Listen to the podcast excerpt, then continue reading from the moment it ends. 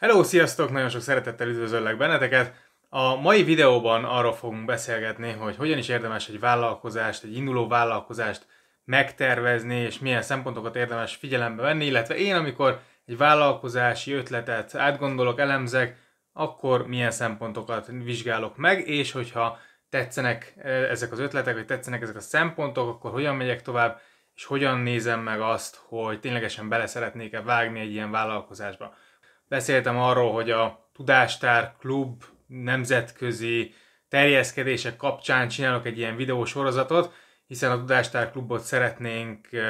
több országba is bevezetni, és ennek a bevezetésnek az apropóján szeretném bemutatni azt, hogy én hogyan gondolkozok, illetve szeretnék betekintést nyer, mutatni nektek abba, hogy hogyan is halad ez a projekt, és milyen lépéseken keresztül vezetünk be külföldre egy ilyen vállalkozást. Ez gyakorlatilag nagyon hasonló ahhoz, mint hogyha most teljesen nulláról építenénk egy, egy vállalkozást külföldön. Még ugye azt említettem, hogy a termék sem feltétlen ugyanaz lesz, bár azért nyilván olyan szempontból előnnyel rendelkezünk egy teljesen nulláról induló, induló vállalkozással szemben, hogy azért vannak bizonyos adataink, van valamennyi tapasztalatunk, vannak bizonyos elvárásaink, de nem tudjuk, hogy ez egyébként mennyire fog megvalósulni, úgyhogy mégiscsak azt mondom, hogy ez egy nagyon hasonló lépés ahhoz, mint amikor teljesen nulláról építünk egy vállalkozást. Na most, hogy rátérjek arra, amiről beszélni szeretnék igazából, én nagyon sokszor azt látom, hogy azok az emberek, akiknek mondjuk az első vállalkozásáról van szó, és egyébként régen én is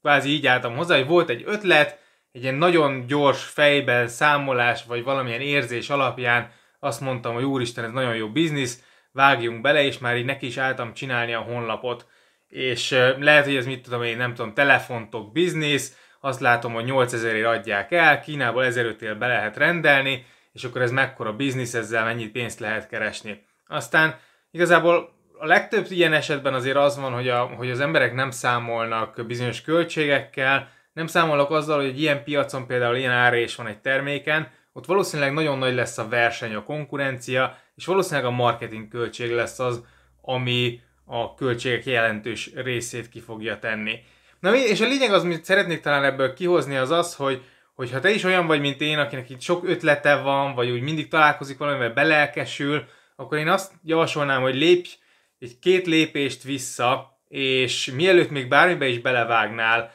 egyrésztről szerintem érdemes hagyni, hogy így az érzelmeink lecsillapodjanak, és tényleg átgondolni egy ilyen vállalkozási ötletet, akár egy-két-három héten keresztül emészgetni. A másik, hogy érdemes valamilyen számítást, tervezést végezni. Hogyha azt szoktam mondani, hogy ha papíron nem jönnek ki a számok, akkor biztos vagyok benne, hogy, hogy a valóságban sem fognak kijönni, és akkor nem akarsz egy vállalkozásba több évet beletolni és, és elvesztegetni. Azt kell látni, hogy egy vállalkozás az valószínűleg nem fog egy meg két év alatt megtérülni, legalábbis a beletett idő meg pénz tekintetében. Valószínűleg itt, itt évekről, akár évtizedekről van szó, és éppen ezért ez egy, ez egy óriási döntés tud lenni, aminek szerintem érdemes megadni az alapját. A másik gondolat, amit mostanában így sokszor mondogatok magamnak, az az, hogy valójában nem az életünket, ha visszanézi valaki az életét, aki egy sikeres befektető volt, vagy cégvezető volt, akkor valószínűleg látni fog az életében, nem tudom, 5, 10, 15 nagy döntést, amit, amire azt mondja, hogy na, ez, ez, a, ez az öt dolog, vagy ez a 15 dolog volt az, ami egyébként, amitől nagyra nőttünk, amikor kiléptünk külföldre, vagy amikor megalapítottam ezt a céget, vagy amikor a, a Sanyival belevágtunk ebbe az üzletbe, és, és nem a, a sok kis apró döntés, a sok szétaprózódás az igazából nagyon sokszor nem értékteremtő. És régen én is azt csináltam, hogy ráugrottam valami, megcsináltam, beletoltam két hetet, nem működik, akkor megyek a következőre, és mostanában egy kicsit úgy érzem, hogy, hogy jobban járok azzal, hogyha lassítok, és hogyha megpróbálok kevesebb, dologgal fi, kevesebb dologra odafigyelni, vagy kevesebb dologgal foglalkozni, kevesebb dologra igent mondani, de, de azokban viszont nagyobb nyereséget keresve. Ez kicsit olyan, mint a befektetéseknél is, hogy, hogy nem kell mindenre ráugrani, ami hoz egy kis hozamot, hanem ha valaki türelmes, akkor elég akár évente egy-két-három befektetési döntést meghoznia, és azokba, azokba viszont nagyobb vászélességgel is bele tud akár állni. hiszen azzal jobban el tud köteleződni, mert nincs szétaprózódva, jobban meg tudja vizsgálni, jobban át tudja gondolni, tehát inkább a nagyobb értékű döntésekre érdemes szerintem odafigyelni, és azokat érdemes meghozni, és ez sokkal több időd marad magadra, az életedre, ha nagy értékű döntéseket tudsz meghozni. Na a lényeg, amit akarok mondani, hogy egy ilyen kalkuláció vagy tervezés, az segít abban, hogy meg tud mondani, hogy egyetem van-e értelme ezzel foglalkozni. A Tudástár Klubban egyébként van egy vállalkozó, vállalkozás indítás mesterkurzus, azt mindenképpen javaslom, abban vannak ilyen Excel-es számítások is, meg egyáltalán azzal foglalkozunk abban, hogy, hogy, hogy az életedre nézve megéri-e például vállalkozást indítani, szerintem csomóan benne vannak például abban, hogy indítanak egy webshopot, és akkor hallották, hogy nem tudom, havi egy millió forintos bevételt milyen könnyű elérni, de amikor igazából visszaszámolod, hogy az költségek után nettóba jelent neked, nem tudom, havi 400 ezer forintot, akkor lehet, hogy az egy olyan jó, jónak tűnik most, de, de nem biztos, hogy egy 10-20 éves távon akár az egy, az egy olyan dolog lesz, ami tényleg kiteljesedést jelent majd a számodra. Vagy ami most nagyon divatosak, ezek az előfizetéses rendszerek, előfizetéses klubok, és most ez lehet, hogy furán hangzik tőlem, akinek ugye az egyik legnagyobb előfizetéses klubja van, és, és pont terjeszkedni kívánunk külföldön, de én azt látom, hogy az emberek azt gondolják, hogy ez egy ilyen nagyon egyszerű biznisz, mert belevágok, szerzek, nem tudom, 100 előfizetőt, akkor már megvan a 800 ezer forintom, és akkor ez tök jó, mert csak havi pár anyagot le kell gyártanom. Valójában én azt látom, hogy akik ebbe belevágnak, a legtöbben igazából tényleg, aki jól csinálja, aki ügyes, az elér, elérheti ezt az 500 ezer, meg 1 millió forintos katás bevételt, és egyébként, ha egyedül ő ezt főállásba csinálja, akkor ez egy, ez egy jó állás lehet, amit az ember magának csinál, de nagyon sok esetben azt látom, hogy ez így, ez, ez keppel egyébként ilyen 50-100 főnél, legtöbbeknél, de valaki elhúzza akár 1000 főig is, de ott meg már nagyobb költségek vannak, és igazából ahogy nő a cég, úgy nőnek a költségek, kiadások is, nő a munka, fel kell venned új embereket, és nem egy nagyon könnyű azt gondolni, hogy ez ilyen ingyen pénz, ez nagyon passzív bevétel, és akkor majd, majd ebből nekem sok pénzem lesz könnyen, és én azt gondolom, hogy ez, hogy ez egyáltalán nem igaz. Valójában egy előfizetéses rendszernek a, a folyamatos menedzselése az igenis sok munka és sok pénz, és éppen azért nagy kockázat, mert hogyha nem nincsen annyi ember, ha nincs az a kritikus tömeg, amit be tudsz hozni, neked akkor is körülbelül ugyanazt a, a munkamennyiséget bele kell rakni az előfizetésbe, hiszen az anyagokat le kell gyártani, a közösséget menedzselni kell, a rendezvényeket szervezni kell, és csak bizonyos tömeg után lesz az, hogy ez tényleg nélkülem tud működni, mert valakit meg tudok fizetni, aki ezt jó minőségben megcsinálja, stb.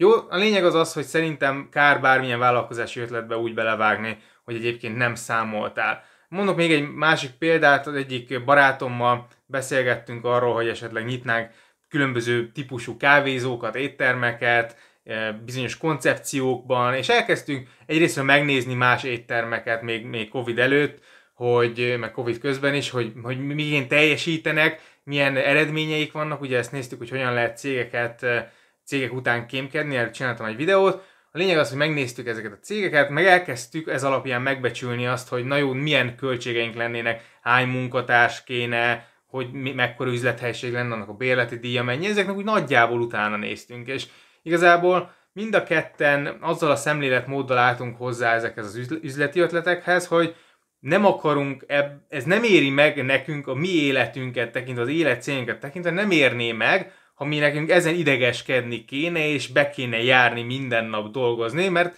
igazából most is jól el vagyunk, nincs szükségünk arra, hogy egy felesleges munkahelyet csináljuk magunknak, akkor se a cserébe elmondhatjuk, hogy na, nyitottunk egy éttermet. Tehát mi azt szeretünk volna, hogy mi ezt cégvezetőként, vagy kvázi befektetőként megnyitunk egy ilyen éttermet, vagy egy kávézót, nézzük meg, hogy milyen hozama van. És,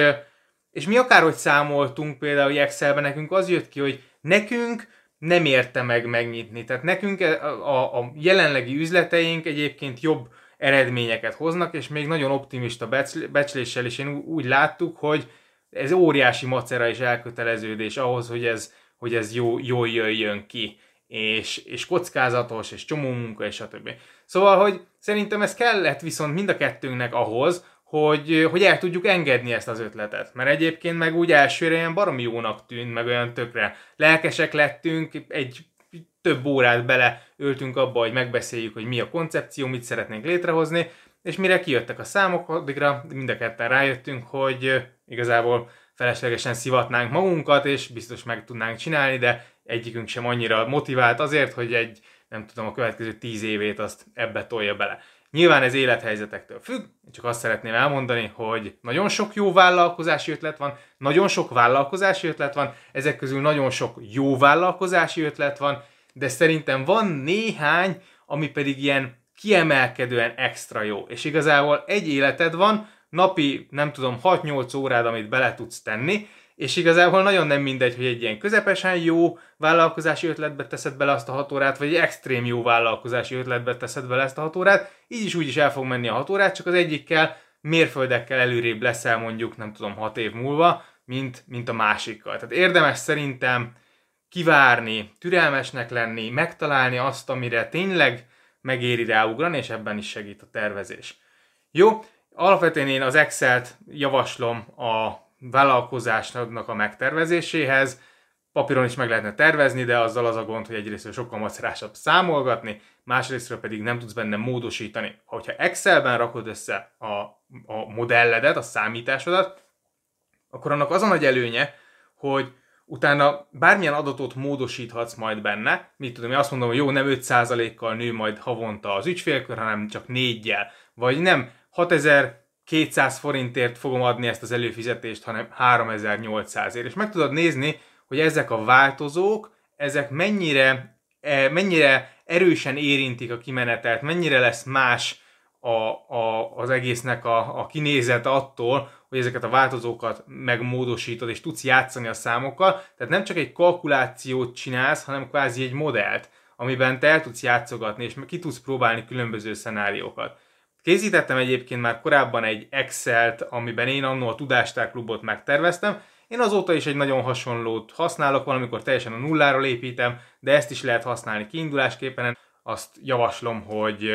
hogy töltsd le, nézd meg, azt csináltam egy 40 perces videót, amiben végigmegyünk azon, hogy hogy kell kiszámolni, mennyi pénz kell a vállalkozáshoz, hogyan tudod kiszámolni a fedezeti pontot, amikor már ugye nem, nem lesz veszteséges a vállalkozás, hanem elkezd pénzt termelni. Ezeket érdemes ismerni és kiszámolni. Most ebben a videóban nem szeretnék belemenni különösebben magába a számításba, mert arra ott van egy másik videó, teljesen ingyenesen meg tudod azt a kis mini tréninget nézni, meg letölteni hozzá a, a kalkulátort. Ha pedig mélyebben érdekel, vagy esetleg az Excel eh, nincs meg, nem ismered annyira jól az Excel, akkor egyrészt van egy Excel mesterkurzus a Tudástárklubban, amit szerintem mindenképpen érdemes megcsinálni, mert bármilyen, ha karriert építesz, úgy is kelleni fog az Excel, főleg ha vezető akarsz lenni. Egyébként, hogyha bármilyen vállalkozást akarsz csinálni, kelleni fog az Excel, hogyha be akarsz fektetni, pénzügyezni akarsz, akkor is kelleni fog az Excel. Tehát szerintem, aki így, így, így karriert, meg pénzt, meg, meg ilyesmiket szeretne így az életébe, annak érdemes lehet így az Excelben képben lenni.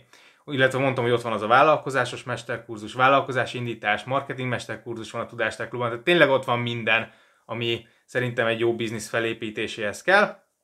Úgyhogy ezt,